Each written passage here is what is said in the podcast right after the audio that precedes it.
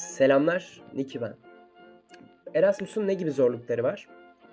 Öncelikle evrak halletmek inanılmaz sıkıntılı bir iş. Ve bu sadece senin okulunla alakalı değil. Eee, oradaki sistemle de alakalı. Özellikle orada ırkçı insanlar varsa.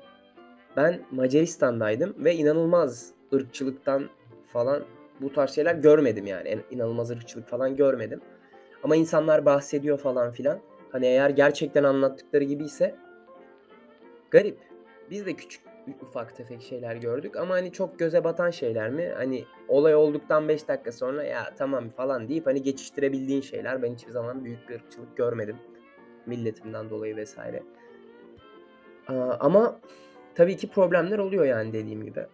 Ama onun dışında insanlar biraz geriliyor gezme konusunda falan filan.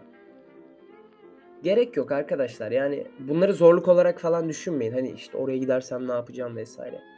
Niye biliyor musunuz? Çünkü su akar, yolunu bulur. Siz sakin olun.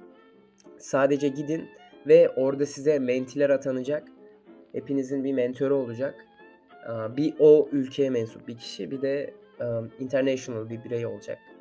Ve bu insanlar zaten genelde sana yardımcı oluyor. Eğer bunlar sana yardımcı olmazsa başkalarının mentörleri sana yardımcı oluyor. Yani çok çok kesinlikle international ortamların en tatlı olayı çok çok tatlı insanlar var. Yani senin problemini her türlü çözecek insan var. Çünkü insanlar görmüş, geçirmiş olayları ve biri o duruma düştüğünde onu o durumdan çıkartmak istiyor. Yani cinsiyeti, cartı, curtu, milleti, A'sı, B'si hiç önemli değil. Sadece senin o durumda bulunmanı istemiyor. Adam diyor ki bana bu oldu, bu insana olmasın. Evet bu insanlar çok fazla international ortamda. O yüzden buradan tekrardan hepsine çok teşekkür ediyorum.